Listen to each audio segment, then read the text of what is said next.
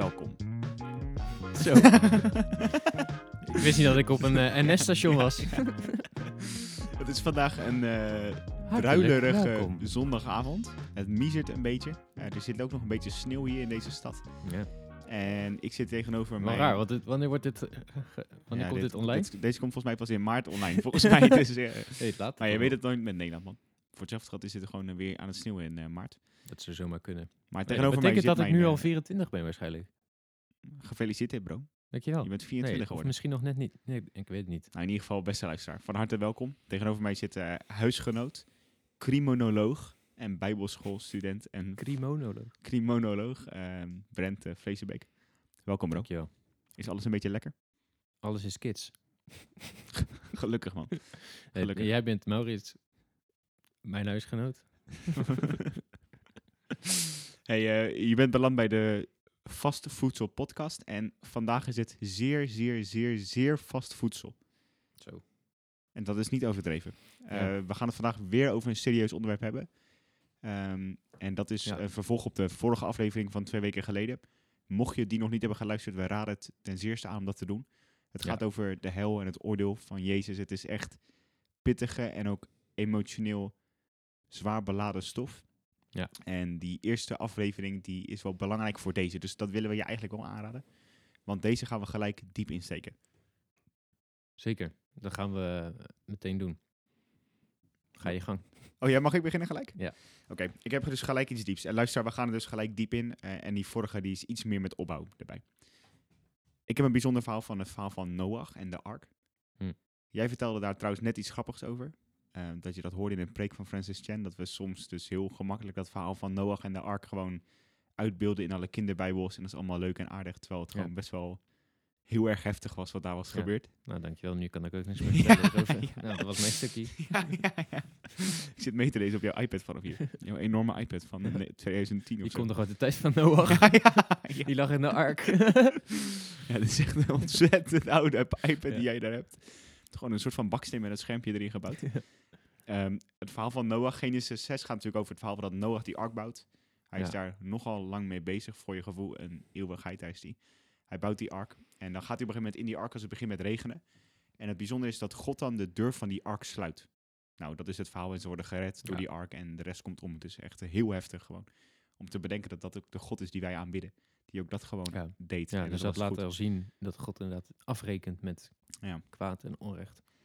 Eh, het bijzondere is, dit is een ontzettend symbolisch verhaal van wat wij nu meemaken of wat er gaat gebeuren in de toekomst. Dat kan ik beter zeggen.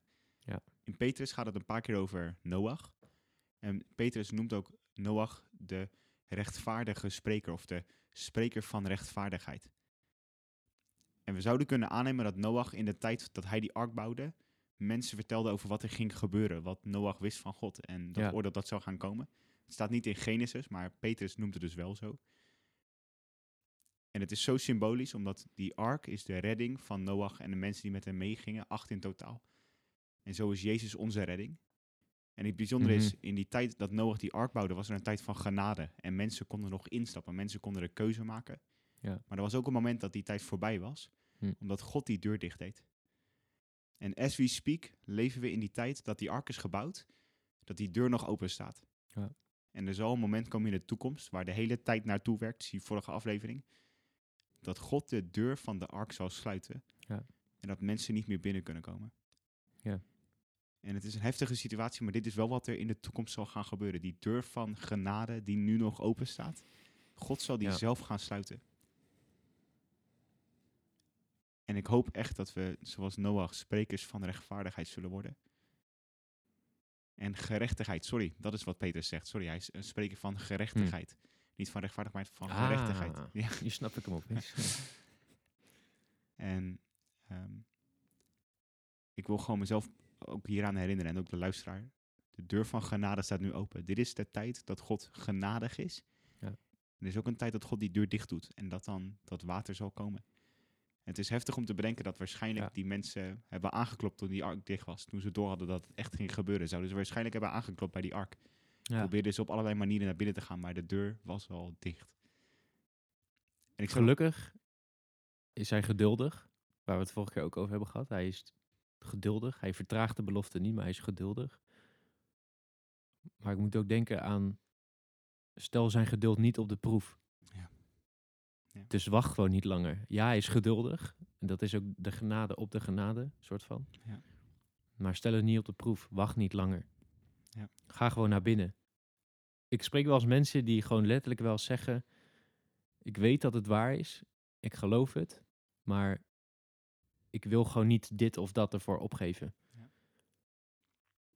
Dan eh, neem je een enorm, enorm risico. Ik zou zeggen, stel niet zijn Ja. geduld op de proef. Want vo- voordat je het weet zit die deur dicht. Ja. En dan heb je Ja. tot in de eeuwigheid ehm, spijt van die keuze. Hebreeën 10, vers 33 volgens mij.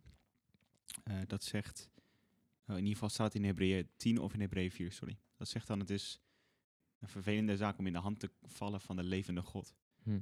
Want als je niet bent gered door zijn bloed, niet gelooft in zijn zoon, Ja. dan wordt dat een hele, hele heftige tijd. Ja. Dat is gek om te beseffen, want dat is de liefdevolle God die wij aanbidden. Maar dat is dezelfde God. hey, jij zegt iets over dat geduld. We hadden het in de vorige aflevering over 2 Petrus 3 vers 9, waarin staat dat God geduldig is, omdat hij Ja. wil dat iedereen tot geloof komt. Toevallig in ook Petrus staat, toen God in zijn geduld nog eenmaal wachtte in de dagen van Noach. En Ja. dat is dus ook voor wat we nu zitten. Hij was ook geduldig in de dagen van Noach. En hij is nu ook geduldig met ons. Het leuke is dat Petrus ook schrijft, of de, eigenlijk de, de zondvloed ook linkt aan de doop. Oh ja. Dat we door de doop behouden worden. En dan vergelijkt hij het eigenlijk met, met net als door het water van de Ja. zondvloed heen. Ja. Wel interessant is dat. ja. Ik moest ook nog denken aan deze tekst eh, bij, eh, die jij net aanhaalde uit Hebreeën. Alleen dan in Matthäus 10, vers 28. En dan staat er: Wees niet bevreesd voor hen die het lichaam doden en de ziel niet kunnen doden, oftewel mensen. Maar wees veel eer bevreesd voor hem die zowel het lichaam als de ziel te, te gronden kan richten in de hel. Ja. Staat ook in Lucas 12, vers 5. Oftewel, ja, wat staat hier precies? Ik denk dat dit een beetje aansluit bij wat ik eh, net zei over bepaalde mensen die. eh, bepaalde mensen, gewoon mensen die dingen niet op willen geven om voor God te gaan. Misschien dat er ook wel mensen zijn die zich bijvoorbeeld schamen eh, om volledig voor God te kiezen of bepaalde dingen niet willen afrekenen in hun leven. En ik zou zeggen, je hebt niks te vrezen van mensen. Je hebt niks te vrezen van wat er hier op deze aarde kan gebeuren. Ja. Maar vrees veel meer van wat God hierna kan gaan doen. Je hebt op deze aarde gewoon niet zoveel te vrezen. In principe, wat is het ergste wat je hier kan overkomen? Is dat je sterft en dan kom je bij hem. Ja. We hebben hier niet zoveel te vrezen, maar als je eenmaal gestorven bent, heb je heel veel van God te vrezen als je niet bij hem hoort. Ja. Dat is gewoon de, de koude waarheid. Ja. Het is misschien niet zo lekker. Het is niet zo'n mooie quote die ik graag, eh, of een mooie one-liner die ik graag had willen gooien, maar Ja. het is wel de waarheid. Ja. We hebben veel meer te vrezen van hem dan van dat we iets op deze aarde zouden missen of dat mensen iets van ons zouden vinden. Ja. D- Romeinen 1 vers 16 past er echt bij. Ik schaam me niet voor het evangelie. Ja. Want het is de kracht van God. Ja. Wat onze redding is. Ja. Ehm, vind jij dat we dit verhaal, waar we het nu over hebben gehad, afgelopen aflevering en nu, dat we dit meer moeten communiceren naar bijvoorbeeld ongelovigen? Hmm. Dus dat we gewoon over de hel moeten vertellen en het oordeel en dat we dat ook moeten vertellen aan ongelovigen? Ik denk dat het, als je het hebt over het kruis en over de dood van Jezus en zijn offer en vergeving, dan ontkom je er niet aan om de andere kant te vertellen van zonde, van straf, van dood en ook van een hel. Maar ik zou zeggen, ehm, wat ik zei ook al van, hè, in Matthäus lees je veel meer over de hel dan, in, dan in Marcus of Lucas. En ik denk dat dat ook eh, ergens zo bedoeld is. Dat, eh, dat juist naar heidenen er minder over de hel wordt gesproken. Ja. Ik zou het wel, ja, het is zeker, moeten we het erover hebben. Ja. Maar ik, ik, tegelijkertijd denk ik niet dat het een main point is van eh, onze prediking of zo. Oké. Ik zie ook niet per se dat heel erg in de Bijbel terug. Dat, er, dat het echt een, een key is in eh, prediking. Boeiend. Wat denk jij zelf? Ehm, nou, ik denk dus in mijn eigen leven meer dan, meer dan dat ik het nu doe. Dat ik het in mijn eigen leven wel meer mag benoemen tegen ongelovigen, meer dan dat ik nu doe. Maar ik vind Ja. het ook moeilijk, die balans. Want als, je, als ik hiermee bezig ben, dan denk ik ook bij mezelf, hoe kan ik het ooit nog ergens anders over hebben, weet je wel? Ja. Als je gewoon hierover nadenkt, denk je gewoon, wat is er nou ooit nog belangrijker dan dit verhaal van die eeuwigheid? Ja. Maar ik, ja, ik merk ook dat ik die balans ingewikkeld vind. En ja, wat we ook al wel vaker hebben gezegd, we willen niet per ongeluk angst communiceren. Ja. En dat iemand dus een keuze maakt voor Jezus omdat hij dus daarmee gered is en niet omdat hij gelooft in Jezus. Maar omdat hij gewoon denkt, oh dat is makkelijk, want dan heb ik niet die angst. Dus ik, ik ben er ook nog niet helemaal uit. Dan heb ik weer een mooie quote van Matt Chandler over Oh, wat jij net zegt. Heerlijk. Even scrollen. Ja. Staat helemaal bovenaan. Dat die iPad kan Heaven? scrollen wil voor jou. Ja, ja, ik doe het met twee ja vingers. met zo, nee, je hebt zo'n touw. Je moet daar zo'n touw trekken en dan gaat hij zo. eh. Oké, heaven. Heaven is not a place for those who are afraid of hell. It's a place for those who love God. Ja. Het gaat inderdaad niet om dat we niet naar de hel willen en dan maar voor God kiezen. Hoewel liever dat je dat doet dan dat je het niet Dat voor God kiest. Maar niet doet. Nee, ja. het is zo, ja. Het is, eh, het is meer dan alleen maar het niet naar een hel willen gaan. Ja. In dat opzicht eh, geloof ik dat wij als christenen ehm, het ook niet per se heel erg over de hel hoeven te hebben, omdat het voor ons geen issue is. Maar het is wel een issue voor de mensen die we dagelijks om ons heen hebben. Ja. En daarom moeten we wel weten dat het er is en dat het gaat komen en dat het definitief is, omdat het wel het belang en de, Ja. het belang laat zien van waarom eh, Jezus van ons vraagt om hem te verkondigen in deze wereld. Ja. Hoe denk jij, hoe zie jij het eh, voor je met verantwoordelijkheid? Geloof je dat we verantwoordelijk Ja. zijn voor. Voor Ja, mensen? Ja, er is echt één heel vervelend eh, voorbeeld altijd die wordt gebruikt hierbij. Ik vind het echt een heel, echt gewoon een rot vergelijking. maar wordt er wel eens gezegd, ja, omdat het gewoon interessant is om te bespreken, maar dan wordt er gezegd, als er een huis in de fik staat, dan hou je toch die mensen uit dat huis. Of als je weet dat iemand een tumor heeft, dan vertel je dat toch aan die persoon. Ja. Natuurlijk doe je dat. En dan komt die, die, gewoon, die gewoon een rot vergelijking, vind ik het. Want het is zo confronterend en pijnlijk. Maar Ja. ik weet het verhaal van de Bijbel. Ik geloof dat het gaat over hemel en hel.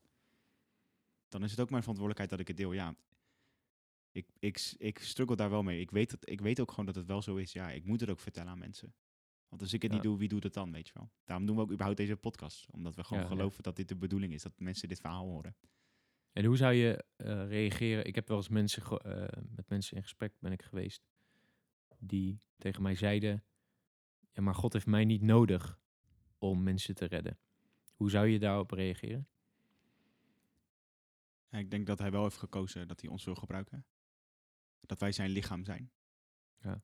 En dat hij daarmee gewoon heeft gezegd dat hij dus wel ons nodig heeft om ons gewoon te gebruiken. Ik bedoel niet daarmee dat wij zo belangrijk zijn of zo Mhm. goed zijn, maar dat God ons wil gebruiken om door ons heen te gaan.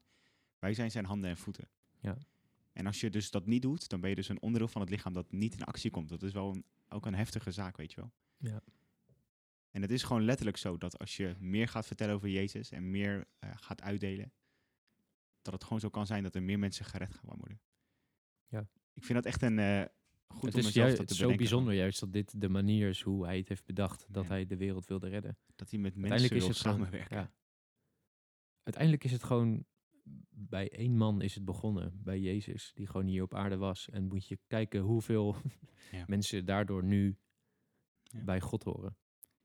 Ja, ik zou wel, als je die gevoelens hebt van God heeft mij niet nodig, of, eh, of dat je misschien wel denkt dat je niet bekwaam genoeg bent. Ik denk echt dat dat een zeer onjuiste gedachte is. Hm. Ook omdat het gewoon totaal niet lijkt te gaan in eh, handelingen. gaat alleen maar over mensen die in actie komen. En alle boeken daarna gaat alleen maar over normale mensen die door God worden gebruikt. Ja. En eh, ook ik zelf ben gewoon tot geloof gekomen omdat er mensen waren die door God werden gebruikt, weet je wel. Ja. Ja. De oogst is groot dat die mensen er zijn. de oogst is groot. Er zijn weinig arbeiders. Ik zou nog even één ding willen benoemen, want ehm, de vorige aflevering hadden we de tijd genomen om echt te zeggen, wow, dit gaat gewoon over echte mensen, weet je wel. En dat zou ik nu weer willen doen. Dit gaat gewoon, waar we het nu over hebben, over mensen van wie we houden. Mensen Ja. die we gewoon lief hebben. Die gewoon prachtige, mooie mensen zijn. En dit verhaal van de hel en het oordeel, dat gaat gewoon over hen. Ja. En laten we niet dat vergeten. Terwijl ik gewoon preek aan het luisteren was hierover en zo. Dan kwamen er gewoon soms sprekers voorbij die heel erg correcte dingen zeiden, volgens mij. Wat ik dan ervan af weet, leek het alsof ze echt heel erg bijbels waren. Maar ze zeiden het gewoon zonder emotie. En dat is zo pijnlijk, vond ik dat. Dat ze gewoon dit verhaal gewoon deelden alsof je gewoon vertelt eh, wat de voetbaluitslag is. Misschien zouden ze dat nog met meer passie doen. En dat was echt zo vervelend om te zien. Dat mensen het gewoon deelden alsof het gewoon, ja, dat gaat gewoon gebeuren. En, en Francis Chan die zegt dan, hell shouldn't be studied without tearful prayer. We kunnen het gewoon niet maken om gewoon dit gewoon te delen met elkaar. Oh, interessant, zo heb ik het niet bekeken en dan naar huis toe gaan. Maar we moeten iets met dit verhaal. Ja. Het moet ons gewoon raken. We kunnen dit niet zomaar voorbij laten gaan. Ook als dit dus gewoon op ons zal drukken. Ook als dit gewoon zwaar zal zijn op sommige momenten. Dat wil ik wel liever dan dat ik het gewoon laat gaan of dat ik dit negeer, weet je wel. Dat even als reminder voor onszelf, als we gewoon doorgaan met praten hierover, maar ook voor de luisteraars, als je gewoon dit hoort. Ja.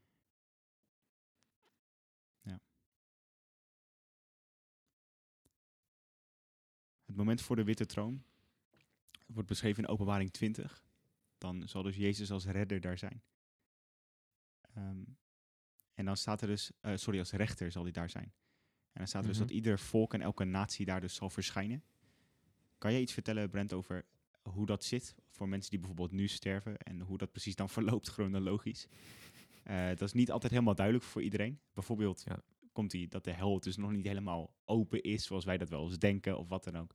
Ja. Zou je daar iets over kunnen uitleggen? Ja, we kennen eigenlijk drie plekken. En die worden in onze Bijbel vaak de hel genoemd. Maar dat zijn eigenlijk drie verschillende plekken. Ehm, waarvan eentje is het dodenrijk. Wordt eigenlijk het dodenrijk, overal het graf of de dood gewoon genoemd. Eh, in het Hebreeuws is dat Sheol. Misschien ken je dat woord wel. In het Grieks is dat Hades. Dat is echt dezelfde plek. Ehm, en dat was eigenlijk een plek waar de ziel dus heen ging na het sterven. En waar dus gewoon de mensen die doodgingen, gingen daarheen, naar die plek. Was als het ware gewoon een plek, geen idee waar, Ja. eh, waar zij bleven. En je had eigenlijk, wat ze dan zeggen, is dat je daar twee kanten had. Een soort van de paradijskant, waar dus de, de rechtvaardigen zaten. En dat werd dan de schoot van Abraham genoemd. Want Abraham is de vader, soort van, van de gelovigen. En hij was gerechtvaardigd door het geloof. Ehm, en de andere kant. En misschien herken je dat wel in die gelijkenis van Lazarus, de bedelaar en de rijke man, die dan eh, sterven. Dat is wat Jezus vertelt, dat ze allebei aan een andere kant zitten en dat ze elkaar niet kunnen bereiken. En dat die rijke man dan vraagt of Lazarus een, een druppeltje water op, om hem wil geven om hem verlichting en verkoeling te geven. Ja. Dat is dus één. En we weten dat Jezus daarheen is gegaan naar die plek. ehm, om daar de rechtvaardigen, de gelovigen mee te nemen. Dus Jezus, toen hij gekruisigd was, is dus in de Sheol geweest. Ja, in de Hades. oh ja, Hades, ja. Sheol, En dodenrijk. staat ook dat hij daar heeft gepredikt. Ja. Ik ben ook heel benieuwd wat dat is geweest, wat hij daar heeft Erg gedaan. benieuwd, ja. Erg benieuwd. Oké, dus nummer 1, Sheol, Hades, dodenrijk. Nummer 2. Daar gaan we nu niet meer heen als we sterven. We gaan nu naar de hemel, naar, het wordt ook wel het paradijs genoemd, naar God. Oké, en als een ongelovige nu sterft? Dan geloof ik dat hij in het dodenrijk komt. Oké, Ja. dus eh, de christen die gaat naar de hemel toe, omdat dat dus kon nadat Jezus natuurlijk is gestorven. Ja. En de ongelovige die gaat dus nu naar de Sheol toe. Ja, Zoals precies. ook, zoals ook Lazarus dus. En dan lezen we ook in de openbaring dat de zee gaf de doden die in hem waren. En ook de dood en het rijk van de dood gaven de doden die in hem waren. Dus op het moment van de dag van oordeel, dan komen ook de doden uit het dodenrijk. En worden Ja. die ook geoordeeld. Dus je zou bijna kunnen zeggen het is een wachtruimte totdat dat moment voor die witte troon Ja. komt. Wij hoeven daar niet meer te zijn, want wij komen nu bij God. Ehm wat is ook bizar om te bedenken dat er dus gewoon mensen, Abraham, weet ik het allemaal, die daar dus zijn geweest in het dodenrijk. En die gewoon hebben gewacht. Ik weet niet in hoeverre daar tijd is, maar die hebben gewacht gewoon tot Jezus daar zou komen. Ja. Ja. En dat Jezus daar gewoon letterlijk toen op een dag is geweest. Ja. En dat hij ze daar gewoon heeft Ja, weggehaald. Dat is ja. te bizar voor woorden. Dus het is, en dat gaat dus ook met ons gebeuren. Ja, ja. Het is, eh, het is dus een, eh, een misverstand om te denken dat bijvoorbeeld iemand overlijdt dat hij dus direct in de hel is. Dat is dus niet, Nee, dat is niet eh, dat is niet aan Omdat het, er is nog geen de oordeel geweest. Nou, goed om dat we even duidelijk te hebben. Ja. Oké, dus dat is nummer één. Ja. we gaan er niet super snel doorheen. Nummer twee, dat is, wordt ook wel de afgrond genoemd. Daar hoeven we niet heel lang bij stil te staan. En, ehm, dat wordt vaak een soort plek van onder, de, onder het dodenrijk nog genoemd, onder de Hades. En dat is eigenlijk een soort kerker. Je kan het vergelijken met een soort gevangenis of een kerker waar demonen in worden opgesloten. Jo. Ehm, en dat heb je ook wel dat verhaal in Lucas, dat die demonen smeken om, je, om aan Jezus om het niet in de afgrond te werpen. En dat gaat dan daarover. Ja. Het is eigenlijk een soort gevangenis waar demonen opgesloten zitten of niet. Weer erg interessant, man. En dan lezen we ook weer in Openbaring 20 dat Satan daar gaat worden opgesloten. Ja. Ehm, als het gaat over die duizend jaar, dat millennium. Dat de, Satan daar zit opgesloten. Dat is dus niet de hel, maar dat is het, Ja. de afgrond. De abyss wordt het ook in het Engels genoemd. Ja. Dan moet ik altijd denken aan Lord of the Rings. Dat Gandalf die, eh, die enorme demon terugstuurt naar de oh ja, abyss. oh ja, ja, ja, ja, ja. En dan de laatste, dat is de hel. En dat is dus ook wel de Gehenna, wordt dan de Gehenna genoemd. Gehenna. Eh, en daar spreekt Jezus over. Matthäus 25. Dan zal hij ook zeggen tegen hen die aan de linkerhand zijn: Ga weg van mij, vervloekte, in het eeuwige vuur, dat voor de duivel en zijn engelen bestemd is. Boeiend. Dat voor de duivelen en zijn engelen bestemd is. Zou je kunnen stellen dat de hel dus bedoeld is voor Satan en de demonen? En dat de hel niet per se bedoeld is voor mensen? Of zou je dat niet kunnen stellen? Ik denk, ik denk het wel. Ik denk dat God het oorspronkelijk voor de duivel en zijn engelen heeft gemaakt. Maar ik durf dat niet heel hard te zeggen. Ik weet niet hoe dat precies zit. Ik neig ook zeker naar die kant. Oké, mag ik ze even Ja, de hel is dus eh, nog nooit iemand heen gegaan. Daar is dus nog niemand geweest. Daar is nog niemand. Ja. Ik noem ze even alle drie op die je net benoemd. Het doodrijk, also known as Sheol Hades. Eh, de abyss, of eh, een soort van kerker. afgrond, De ja. afgrond. Specifiek voor demonen, daar eh, komen niet zoveel mensen. En de derde is dus de Gehenna, waar dus nog niemand is gekomen. Want de Gehenna is nog niet open. Ja. Ik heb nu een aantal mensen die daarheen gaan naar de Gehenna, dus naar de hel. Jo. Allereerst het beest en de valse profeet. Ja. Daarna, duizend jaar later, Satan. Dit staat allemaal in openbaring 1920, als je het wil nalezen. Daarna de dood en het dodenrijk. Ja. Ook geen idee hoe dat, er, hoe dat Nee, werkt. nee, dat de dood idee. en de hel... Want de dood wordt soort van ook beschreven als een persoon Ja. in de Bijbel. Ja. En dan tenslotte... Ieder die niet bleek ingeschreven te staan in het boek des levens. Openbaring 20, vers 15. Als iemand niet bleek ingeschreven te zijn in het boek des levens, werd hij in de poel van vuur geworpen, in Ja. de Gehenna. Openbaring 21, vers 8. Maar wat betreft de lafhartige, ongelovige, verfoeilijke, moordenaars, ontuchtplegers, tovenaars, afgodendienaars en alle leugenaars, hun deel is in de poel die van vuur en zwavel brandt. Dit is de tweede dood. De tweede dood. Ja. We hadden het net al even over... Of dat was in de vorige aflevering? Of dat was in deze aflevering? Sorry. Ik weet het even niet. Wat wil je erover zeggen? Ja, laat maar, laat maar. Laat maar. Eh, misschien kunnen we zo doorgaan op die tweede dood en ook dat boek van het leven, waar je dus wel of niet kan instaan. Ja. Maar ik heb ook wel eens het idee dat mensen ons gewoon luisteren vanwege die waanzinnige tunes die wij in het midden gooien. Misschien is het tijd voor eentje. Oké. Thank you.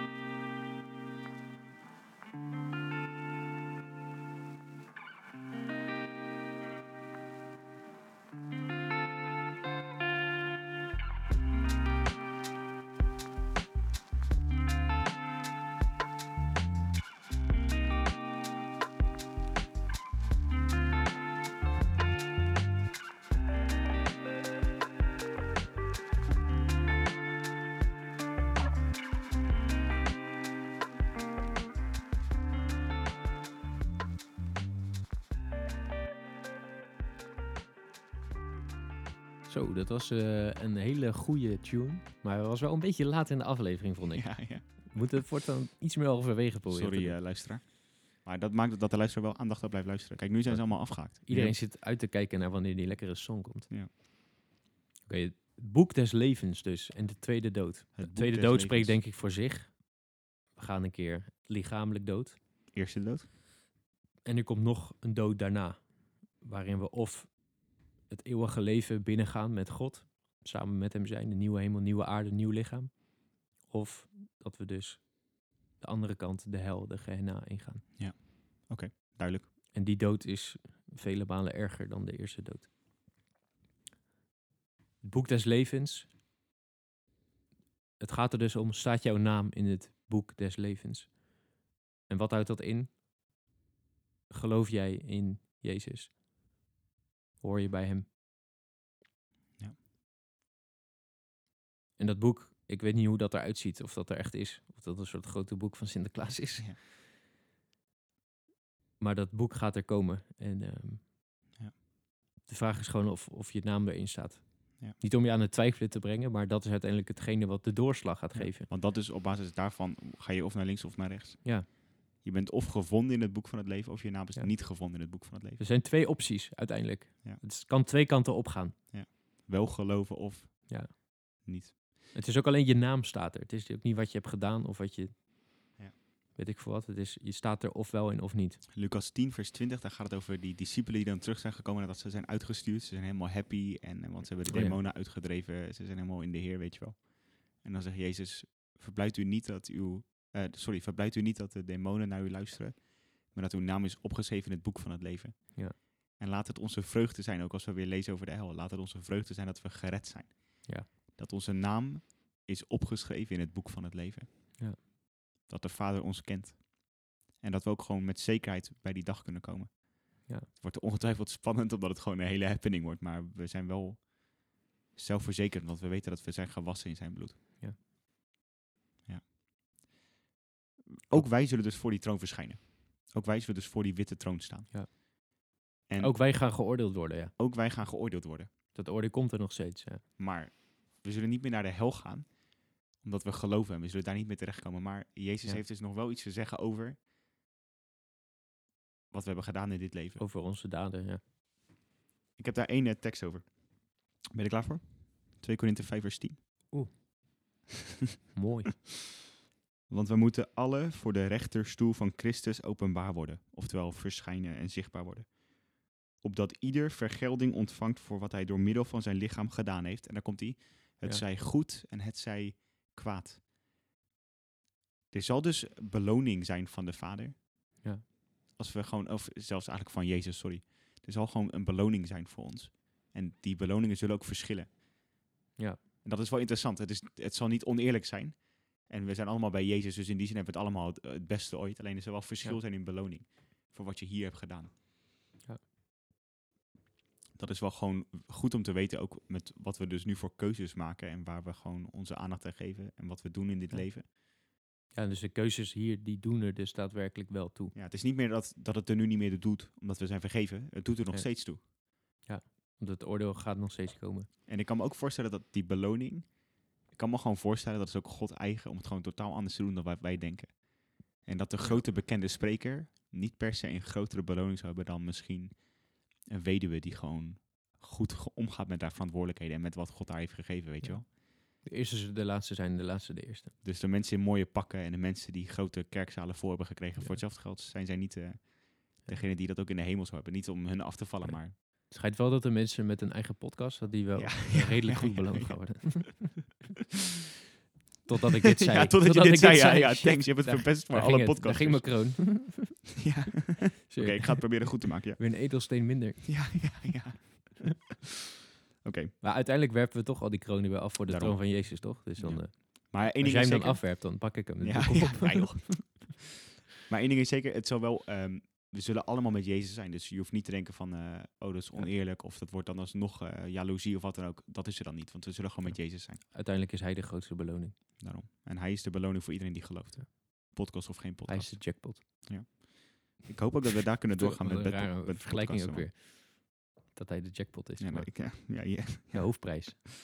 Oké, ehm, dan vers 11. Dus vers 10 gaat, we gaan allemaal voor die rechterstoel van Jezus verschijnen. Rechterstoel, niet, Niet de linkerstoel. Nee, maar ook niet rechts als in rechterkant. Ja, dat zeg ik. Alleen recht als in hij is de rechter. Ja. Oké, De rechterstoel. vers 11. Nu wij dus deze vrees voor de Here kennen, bewegen wij de mensen tot het geloof. En ik hoop dat dat, eh, ja, ik hoop ook dat dat een eh, gevolg is van deze podcast. Ik merk het in ieder geval in mijn eigen leven nu ik bezig ben met dit onderwerp. Ik merk echt dat ik veel meer wil evangeliseren gewoon. Hm. Want we weten deze vrees. We zullen voor de rechterstoel van Ja. Christus verschijnen. En nu bewegen we mensen tot het geloof. Ja. In Judas 23, dat heeft dus geen hoofdstukken, dus daarom zeg je Judas 23. Daar zegt Judas, ruk hen met vrees uit het vuur. Ja. Dat we met vrees mensen gaan redden van die komende toorn. We hebben de zondaar lief. Maar we haten de zonde. En we bewegen mensen tot het geloof, o- Ja. opdat ze maar gewoon gered zullen worden op die dag. Ja. En wat is er belangrijker dan dit? Alles gaat voorbij, alles is vergankelijk van deze wereld. Alles gaat gewoon voorbij, behalve dit, Mhm. zielen. Oké, we zijn aan het einde gekomen van deze aflevering over de hel. We hebben heel veel dingen behandeld. Lastige dingen. Dingen die gewoon veel met ons doen. Maar het belangrijkste is waar we mee willen afsluiten. Dus dat God mega genadig is voor iedereen. Amen. Amen. Hey, voel je vrij om deze te delen? Eh, we hebben ook een linkje in de beschrijving van deze aflevering waar je eventueel geld kan overmaken naar onze podcast als je daar eh, ja, je toe geroepen voelt. Ja. Eh, Volg ons op Spotify Zeker. en blijf je up-to-date. Beoordeel ons op Apple Podcast. Yes. En stuur een mail naar Ja. podcast.nederland.nl Stuur gewoon een mail. Gewoon. Je Ja, gewoon hoeft leuk. er niet ja. eens wat in te zetten, Nee. maar stuur gewoon een mailtje. Ja, stuur gewoon een mailtje. Hebben Hey, wij ook eh, wat te doen. Ja, ja. de hele dag zitten we die mail te checken. Hey, heel graag tot de volgende keer. Maurits, bedankt voor alles. Jij